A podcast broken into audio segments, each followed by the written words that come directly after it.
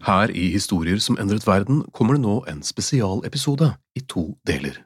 Brage Pedersen og Lillian Setran har lagd denne, og vi skal 66 år tilbake i tid. For hva skjer når et norsk skip blir sendt ut i vinternatten over Atlanterhavet på vei til Cuba?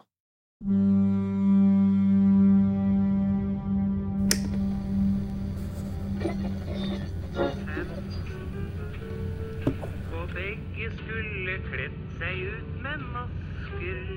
Lille julaften 1958 seiler et skip fra Drammen. Skipet heter MS Sporonia og er lasta med tonnevis av norsk ammunisjon.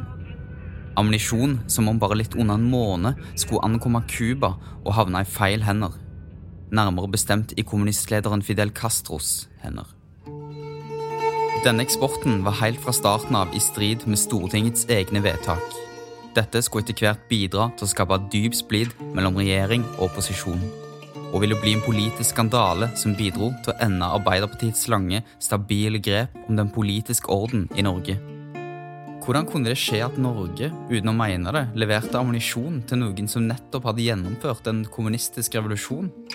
Hvordan ble det til at vi handla i strid med utenrikspolitikken til våre nærmeste allierte? Og hadde noen egentlig kontroll?